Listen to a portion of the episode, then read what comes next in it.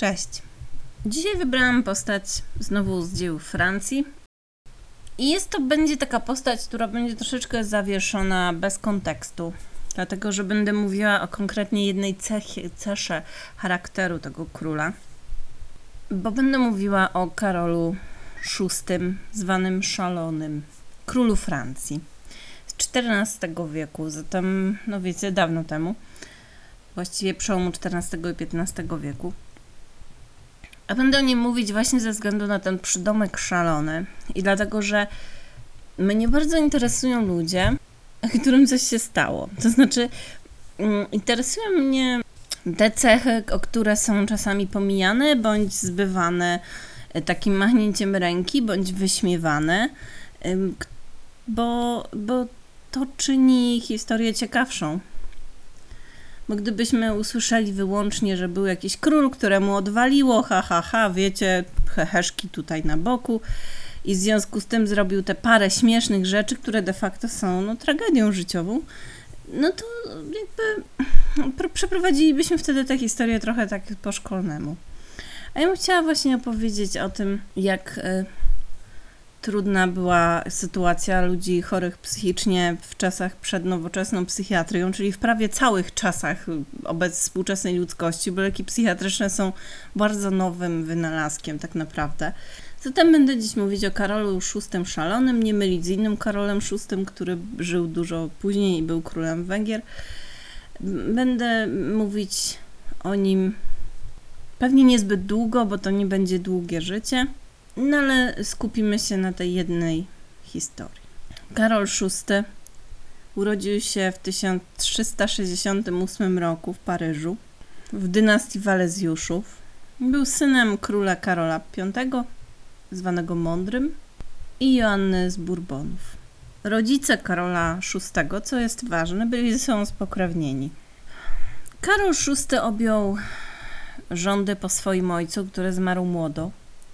Karol V zmarł w 1380 roku i wtedy Karol VI, nasz dzisiejszy bohater, miał zaledwie lat 12, zatem rządy musieli sprawować regenci.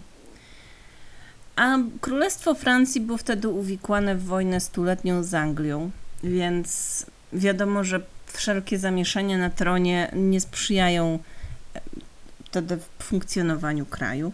Zwłaszcza, że Rada Regencyjna, która e, sprawowała rząd w imieniu Karola VI, który był jeszcze za młody, by rządzić samodzielnie, składała się z trzech bardzo silnych osobowości, z y, trzech stryjów władcy Jana, Filipa oraz Ludwika Antygaweńskiego.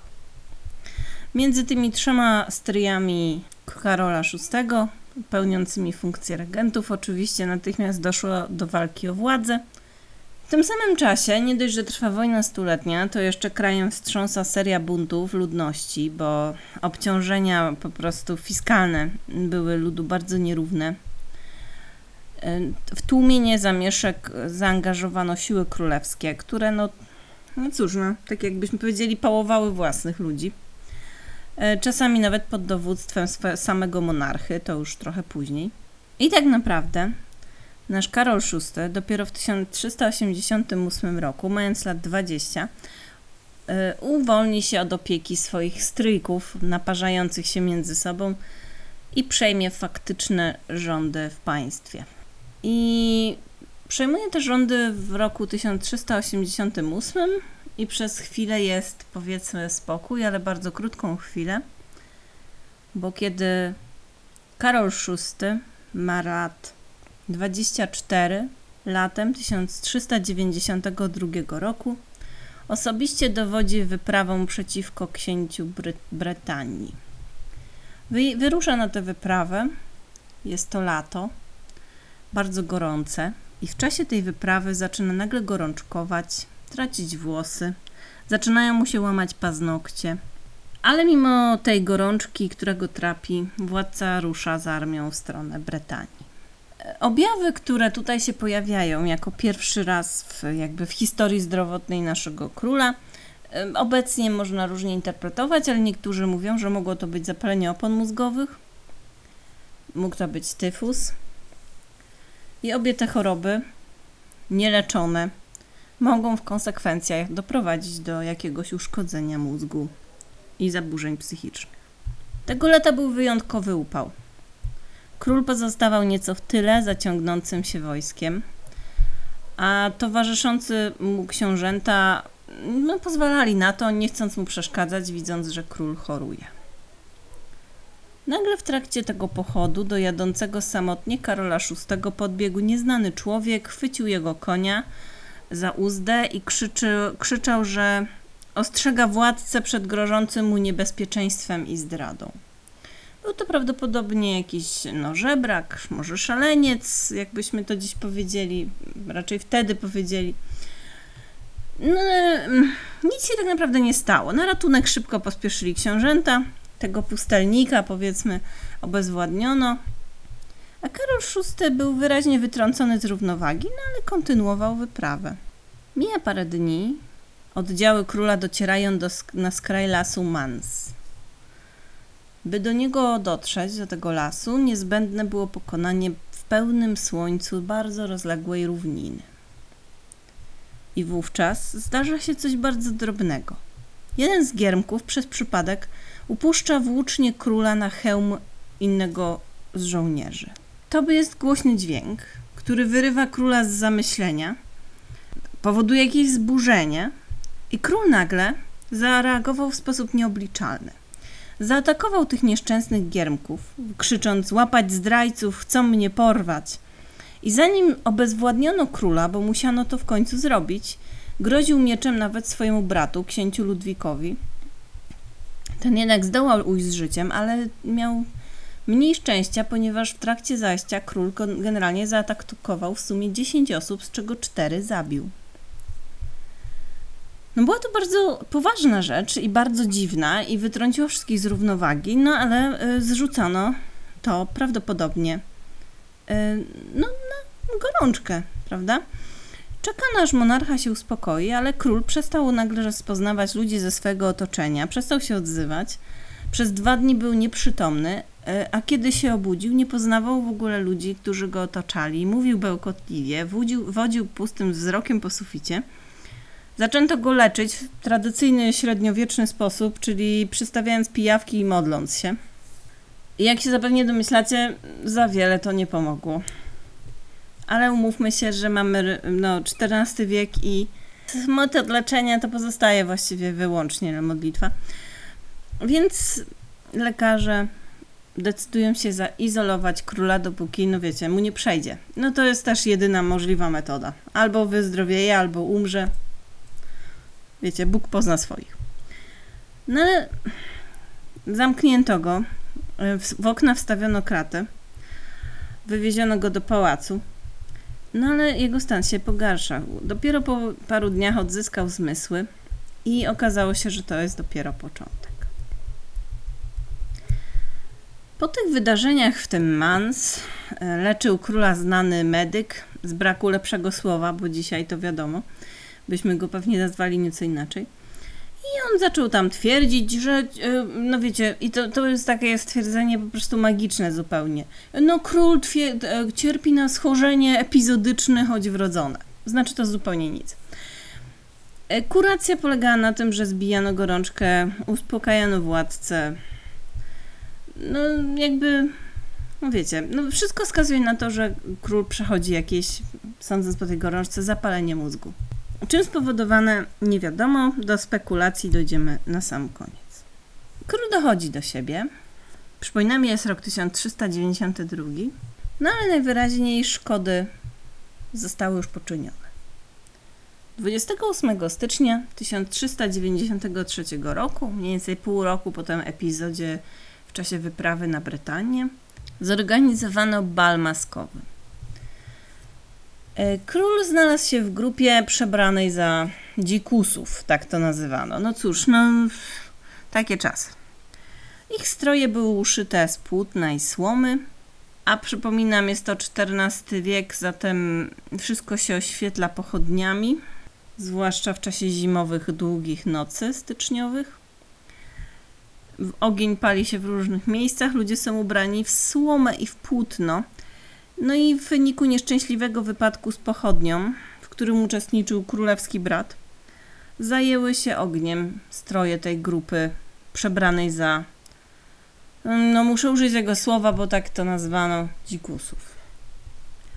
Króla cudem odratowano dzięki przytomności jego ciotki Joanny, która zdusiła ogień własną suknią, ale pozostali dzicy, e, którzy uczestnili w tej maskaradzie, spłynęli żywcem, bądź no bo dogorywali w męczarniach.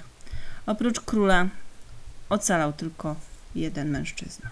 Te wydarzenia ze stycznia 1393 roku były niewątpliwie tragiczne i na pewno głęboko dotknęły króla Karola VI i pogłębiły jego chorobę.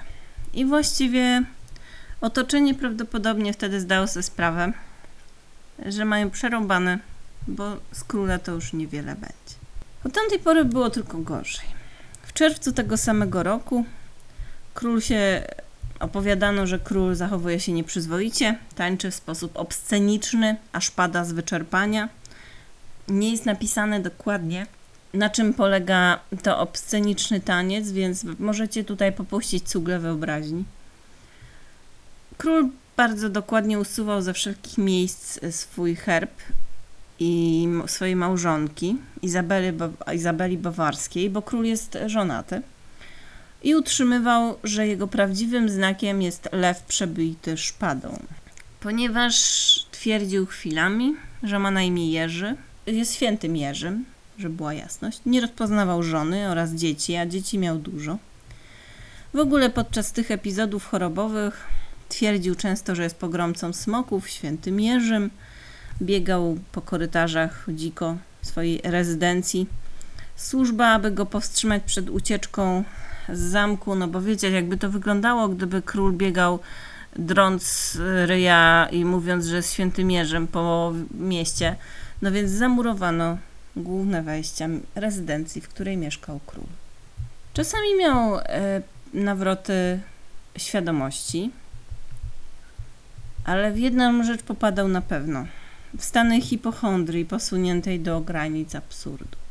W pewnym momencie król zaczął uważać, że jego ciało jest zrobione ze szkła i trzeba zachować wszelką ostrożność, by nie zostało naruszone.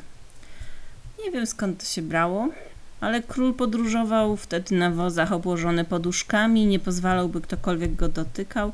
I to jest dosyć ciekawe, bo w Europie XV do XVII wieku urojenia sugerujące, że ciało człowieka jest wykonane ze szkła pojawiały się dosyć często. I to jest dosyć e, charakterystyczne dla tej epoki, być może dlatego, że no, mózg produkuje urojenia z tego, co wie. Składa je z jakichś szczątków wiedzy, a wtedy bardzo, szkło było towarem bardzo luksusowym i kojarzonym z, oczywiście z kruchością, ale też z jakąś alchemią. E, no więc pewnie dlatego mózg tworzył te iluzje. Ten moment, w którym król stwierdził, że zbudowany jest ze szkła, nastąpił w 1405 roku. I wtedy też, tak jak mówiłam, zaczął bardzo się uważać i, i poza tym, że tak podróżował na tych poduszkach, to zaczął nosić specjalną odzież ochronną. Kazał sobie wszywać w ubranie ochronne metalowe pręty, jakby klatkę. A później zaczął ubierać się w niewygodną, taką ciężką zbroję by nikt mu nie zrobił krzywdy i tej zbroi nigdy nie zdejmował. Z powodu tych pogłębiających się urojeń przez pięć kolejnych miesięcy odmawiał kąpieli, zmiany ubrania, odmawiał golenia. Jego koszula, zbroja i wszystko stały się siedliskiem robactwa. Zmieniano mu to w końcu podstępem bądź siłą. Y, z czasem jego ciało pokryło się nieleczonymi ranami, które przeradzały się w ropiejące wrzody. Król możliwość leczenia tych wrzodów oddalał. Swojego medyka oddalił z dworu, a nawet wygnał w końcu z Paryża. Wyobraźcie sobie, w jakim stanie psychicznym musi być człowiek, który cały dzień spędza w zbroi, bo boi się, że coś zrobi mu krzywdę. Musi być potwornie przerażony tym, co tworzy jego mózg, z jakiegoś powodu uszkodzony. Jak mówiłam, król był żonaty. Izabela Bawarska musiała być potwornie nieszczęśliwa, bo mąż albo jej nie poznawał, albo ją bił do nieprzytomności, bo takie epizody też się zdarzały. Kiedyś przyszedł przyszła z wizytą i on zapytał służbę, służbę, kim ona jest. Służącym kazał się nią zająć i dać, czego potrzebuje, aby zostawiła go w spokoju. Choć gdy miewał remisję choroby, bo te remisje bywały, kiedy chwilami funkcjonował zupełnie normalnie. W tych chwilach, które wyrwano chorobie, jakieś takie epizody widocznie mm, całkiem przyjazne, ponieważ małżeństwo szalonego króla Karola VI i Izabeli Bawarskiej doczekało się 12 dzieci, w tym 7 synów. W tych okresach, kiedy odzyskiwał świadomość, był zdolny do rządzenia królestwem, ale gdy stany chorobowe brały górę, no to władzą zajmowali się ci stryjowie, regenci dawni, razem, którzy rywalizowali o władzę razem z bratem króla Karola, Ludwikiem, no i oczywiście królową. Nie sprzyjało to Francji. Zresztą te wszystkie animozje między tymi księżąt, książętami, stryjami, bratem, królową doprowadziły, co jest zrozumiałe, zwłaszcza w średniowieczu, e, do bardzo wyniszczającej Francję wojny domowej. A na dodatek w, w jakimś tam momencie w 1420 roku Karol VI nie wiadomo, czy z powodu choroby, czy z powodu jakichś prywatnych roszad, podpisał z, z Anglikami traktat, w którym wykluczył z dziedziczenia tronu swego własnego syna Karola. A przecież miał z Izabelą Bawarską 12 dzieci, więc sukcesorów na pęczki, no i ewentualnych wrogów. I przekazał sukcesję władzy angielskiemu królowi Henrykowi V co oczywiście skomplikowało pozycję Francji w wojnie stuletniej, która trwała i przyczyła, przyczyniło się to do przedłużenia konfliktu, ale mm, przyczyna przekazania władzy, no powiedzmy, innej dynastii mogła być też taka, że król Karol VI zdawał sobie sprawę, że jest chory i bał się, że cała dynastia jest chora być może i dlatego wykluczył z dziedziczenia własne dzieci. Wkrótce potem, bo w 1420 roku wykluczył ze suk- sukcesji swego syna, e, w 1422 roku w wieku 53 lat Karol VI umiera. Dla jego współczesnych e, jego choroba była oczywiście zagadką. Tłumaczono ją tak jak tłumaczono wszystko w średniowieczu, czyli bożym gniewem, czarami, truciznami. No co sobie tam za bajeczki wymyślono, tym tłumaczono. Dostrzegano jednak dziedziczność ewentualną. I być, dlatego właśnie mówię, że być może, e, ponieważ dziedziczność już w średniowieczu zauważano różnych rzeczy, dlatego właśnie być może Karol VI nie chciałby jego krew rządziła, bo rodzice Karola VI, Karol V i właśnie Joanna z Bourbonów byli ze sobą blisko spokrewnieni. Królowa Joanna z Bourbonów zresztą przeszła, tak jak mówiono wtedy, załamanie psychiczne. Trudno powiedzieć, co to było. Może to była również jakaś choroba psychiczna, e, więc coś musiało leżeć w genach. Obecnie historycy bardzo różnie mówią na ten temat. Jedni mówią, że mogła to być schizofrenia paranoidalna, na co jednak brakuje w ogóle jakichkolwiek dowodów.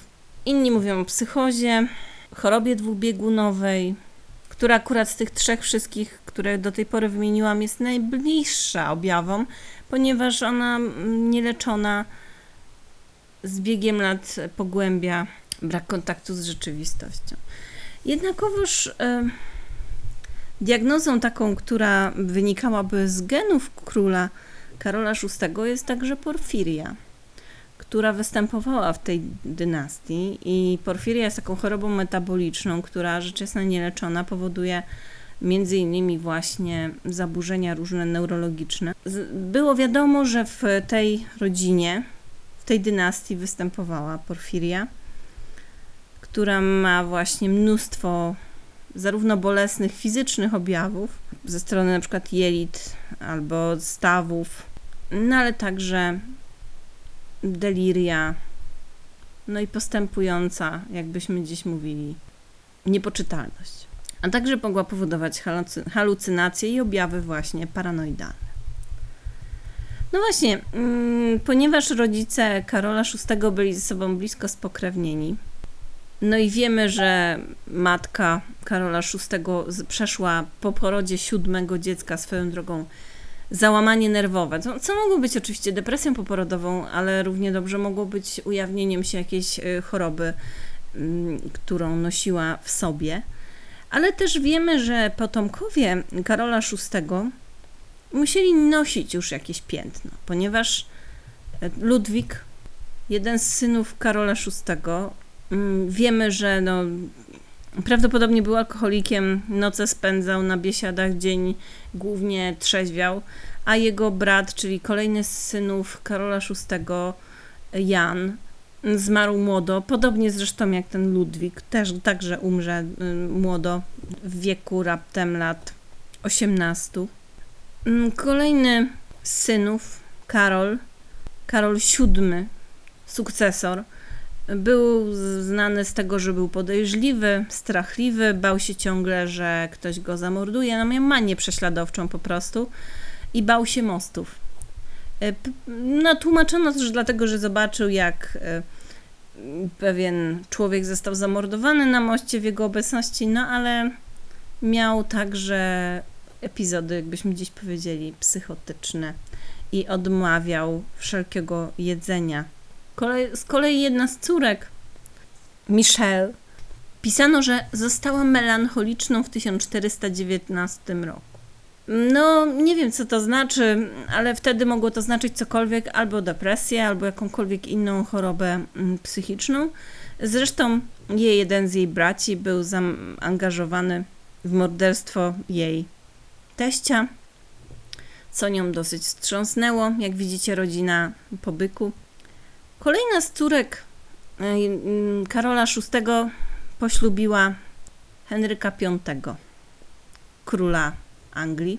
I prawdopodobnie od niej Porfiria rozniosła się na brytyjską rodzinę królewską. Zresztą najstarszy syn Katarzyny, bo to o niej jest mowa, czyli wnuk Karola VI, to był nie kto inny jak Henryk VI, który również, jak mówiono, oszalał, żył w izolacji. Chorobę tę psychiczną prawdopodobnie odziedziczył po swoim dziadku Karolu VI. Regencja, która sprawowała władzę w jego imieniu, sprawiła, że Anglia pogrążyła się w chaosie walk między różnymi stronnictwami. Y, a Henryk no nie wiemy, mm, czy to była właśnie porfiria, czy jakaś inna choroba psychiczna przenoszona e, jakby drogą płciową, czyli genetycznie. Nie wiemy. Tak czy siak była to dynastia naznaczona ogromnymi cierpieniami. I prawdopodobnie spowodowane to było tym, no że no cóż, no kazirodztwo nikomu nie służy. Jakby nie polecam. Serdecznie odradzam. I, to jest właściwie tyle. Chciałam tylko opowiedzieć o naszym Karolu VI ze względu na to, że być może w pewnym momencie dojdę do właśnie dynastii brytyjskiej, y, której choroby zarówno porfiria, jak i później jeszcze hemofilia y, będą nieść żniwo w dziejach państw, ale to, to żniwo właśnie zaczyna się wyraźnie mniej więcej właśnie w średniowieczu, od tych kuzynowskich małżeństw, od rodziców Karola VI Szalonego, króla Francji. A teraz, ponieważ ten podcast był krótki, to raz na jakiś czas mam dla Was ogłoszenia, więc możecie już wyłączyć, nie będzie nic ciekawego. E, mianowicie, YouTube serdecznie mnie zachęca, bym Wam powiedziała, że e, prawdopodobnie jesteście ułomni i nie wiecie, że się subskrybuje kanały, daje łapki w górę i takie tam różne rzeczy, więc Wam mówię. Ty, tym z Was, którzy jeszcze na to nie wpadli, bo pierwszy raz są dzisiaj na YouTubie. Poza tym mm, przypominam, że oczywiście można mnie wspierać finansowo, żebym miała pieniądze na książki. Tam jest taki gdzieś pod spodem takie serduszko z dolarkiem, można kliknąć i coś płacić. Nie mam pojęcia, nikt tego nigdy nie zrobił, wiecie? Więc jakby nie wiem, ale na pewno to jest bardzo miłe, jak ktoś to zrobi. Zatem no, jedyna forma, w jaką możecie mi płacić, to po prostu oglądając reklamy. No i to jest też taka zabawna rzecz, bo są ludzie, którzy są oburzeni faktem istnienia reklam na YouTubie, no ale słuchajcie, no to nie jest organizacja charytatywna. YouTube zarabia y, na tych reklamach oczywiście, na pewno więcej od twórców, no ale twórcy y, również na YouTubie zarabiają. Co prawda ja zarabiam strasznie marnie, znaczy oczywiście rzecz jasna się z tego nie da rady utrzymać, y, no ale zawsze to są jakieś pieniądze za poświęcony, no tutaj mm, miło, bo miło, ale jednak czas. Y, Poza tym zapewne wiecie, że cenię sobie bardzo mm, miłe komentarze, bo i komentarze sprawiają, że kanał jest częściej pozycjonowany, co za tym idzie, zdobywa nowych słuchaczy. Zatem zapraszam do pisania miłych komentarzy, niemiłe, y, zwłaszcza te chamskie, bo jeśli ktoś się ze mną nie zgadza w sposób uprzejmy, to spoko, jakby bardzo, bardzo miło jest się czasem po nie zgadzać. No to te miłe i te kulturalne zostawiam, chamskie usuwam, ponieważ bardzo mi zależy, żeby przestrzeń pod moim podcastem była wolna od agresji i od toksycznych zachowań. Bo no, świat jest pełen agresji i toksycznych zachowań. No i ja nie bardzo chcę takie rzeczy wspierać. Zatem szanujcie się i bądźcie dla siebie mili. E, To jest podcast czysto rozrywkowy, którego naprawdę nie ma obowiązku słuchać, więc jak się Wam nie podoba, to oczywiście nie słuchajcie, spoko, tak? No ale bycie niemiłym dla kogokolwiek, także w internecie, jest po prostu głupie. No dobrze, to tyle, trochę zrzędzenia. Na koniec część z Was na pewno wcześniej wyłączyła, więc było dla nich bezpiecznie. Do usłyszenia.